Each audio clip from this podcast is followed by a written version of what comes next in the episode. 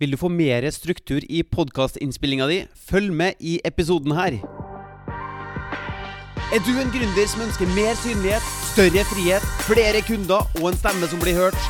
Hver episode er dedikert til å gi deg markedsføringsavsløringene og salgshemmelighetene som vil akselerere din gründersuksess.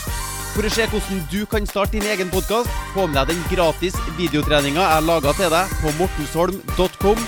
Velkommen, nå kjører vi på!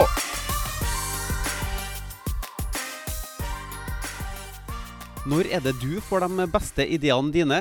Jeg bruker i hvert fall ofte å få ideer når jeg står i dusjen, eller når jeg jogger, eller når jeg, når jeg holder på med noe og ikke helt planlegger å få en idé. Det er da den gode ideen dukker opp for min del. Så det jeg bruker å gjøre, er at jeg tar opp eh, appen, den notatblokk-appen på iPhone, og så skriver ned de gode eh, ideene mine der, sånn at jeg kan komme tilbake til dem senere. For nå har jeg brukt litt tid på å se på personlighetstyper. Jeg har bl.a. gått et kurs eh, i eh, hvordan man tar personlighetstester og sånne type ting. Det er en ting jeg syns er veldig spennende. Og jeg har eh, Du, forresten, hvis du går til 16personalities.com, så kan du ta en test gratis. Um, altså 16personalities.com. Og se, svare på noen spørsmål, så vil du finne ut hva slags type personlighet du er. Og det jeg har oppdaga, er at mange gründere, altså mennesker som setter ut eh, på egen hånd og prøver å, å skape forandring og, og, få til ting på egen hånd, de har visse typer personligheter som er idérike, de har masse initiativ. Og så er det noen ganger at du eller jeg mangler litt den strukturen som kanskje trengs for å få gjennomført på en god måte. Så jeg tenkte jeg skulle gi deg noen tips i denne episoden her til hvordan du kan bygge en god struktur når du skal spille inn episoder. For det finnes jo verktøy for eh, store bedrifter f.eks. som heter Trello, altså trello.com, eller monday.com, som er sånne prosjektstyringsverktøy som hjelper deg med å vite hvor langt i prosessen har du egentlig kommet. Men du kan jo gjøre det mye enklere enn som så også. Du kan jo bare åpne et Excel-ark eller et Word-dokument, og så lager du én kolonne hvor du skriver episodeideer. Og så passer det å skrive opp alle de her episodeideene som du har, i den kolonna. Og så kan du gå over senere og prøve å lage episodetitler i den neste kolonna. Og så kan du ha en kolonne for eh, å krysse av når du har spilt dem inn, og en ny kolonne for når du har publisert dem.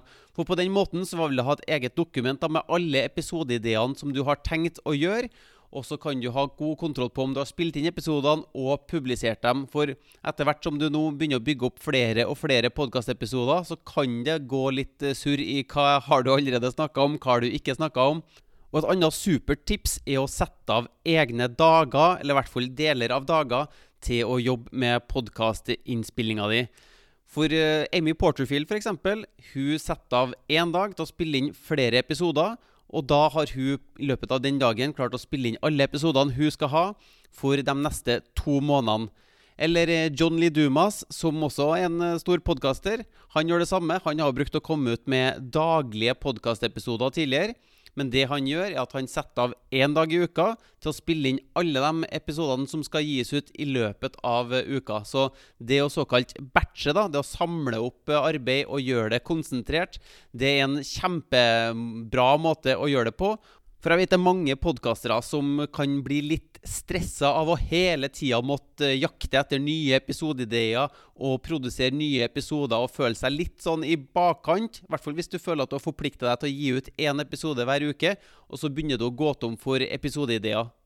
Derfor er batching så bra, for at du hele tida kan ligge i forkant. Du kan bygge opp en bank med episodeideer, eller en bank med episodeinnspillinger som allerede står klar. Helst da kanskje for en måneds tid framover, så har du alle episodene du skal ha for en måned framover, mens du kontinuerlig jobber med å fylle opp den episodebanken. Og på den måten så blir ikke du stressa eller føler at du er bakpå og må forte deg med å produsere og spille inn nye podkastepisoder.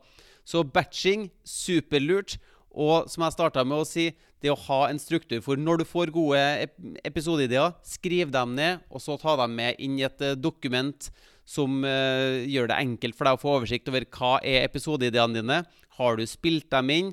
Har du publisert dem, osv., så, videre, så lag deg et lite system på det. Så får du mer ro i sjela, og du får en uh, mer positiv opplevelse med podkasten din.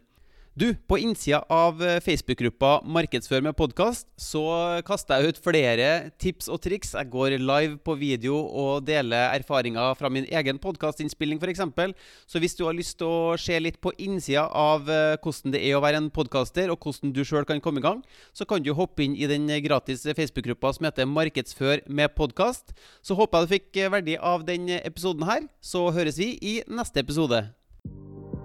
Hvis du vil lansere din egen podkast, sørg for å gå til mortensholm.com for å se den gratis videotreninga. Og hvis du vil ha flere episoder som dette, trykk på abonner-knappen, så høres vi i neste episode.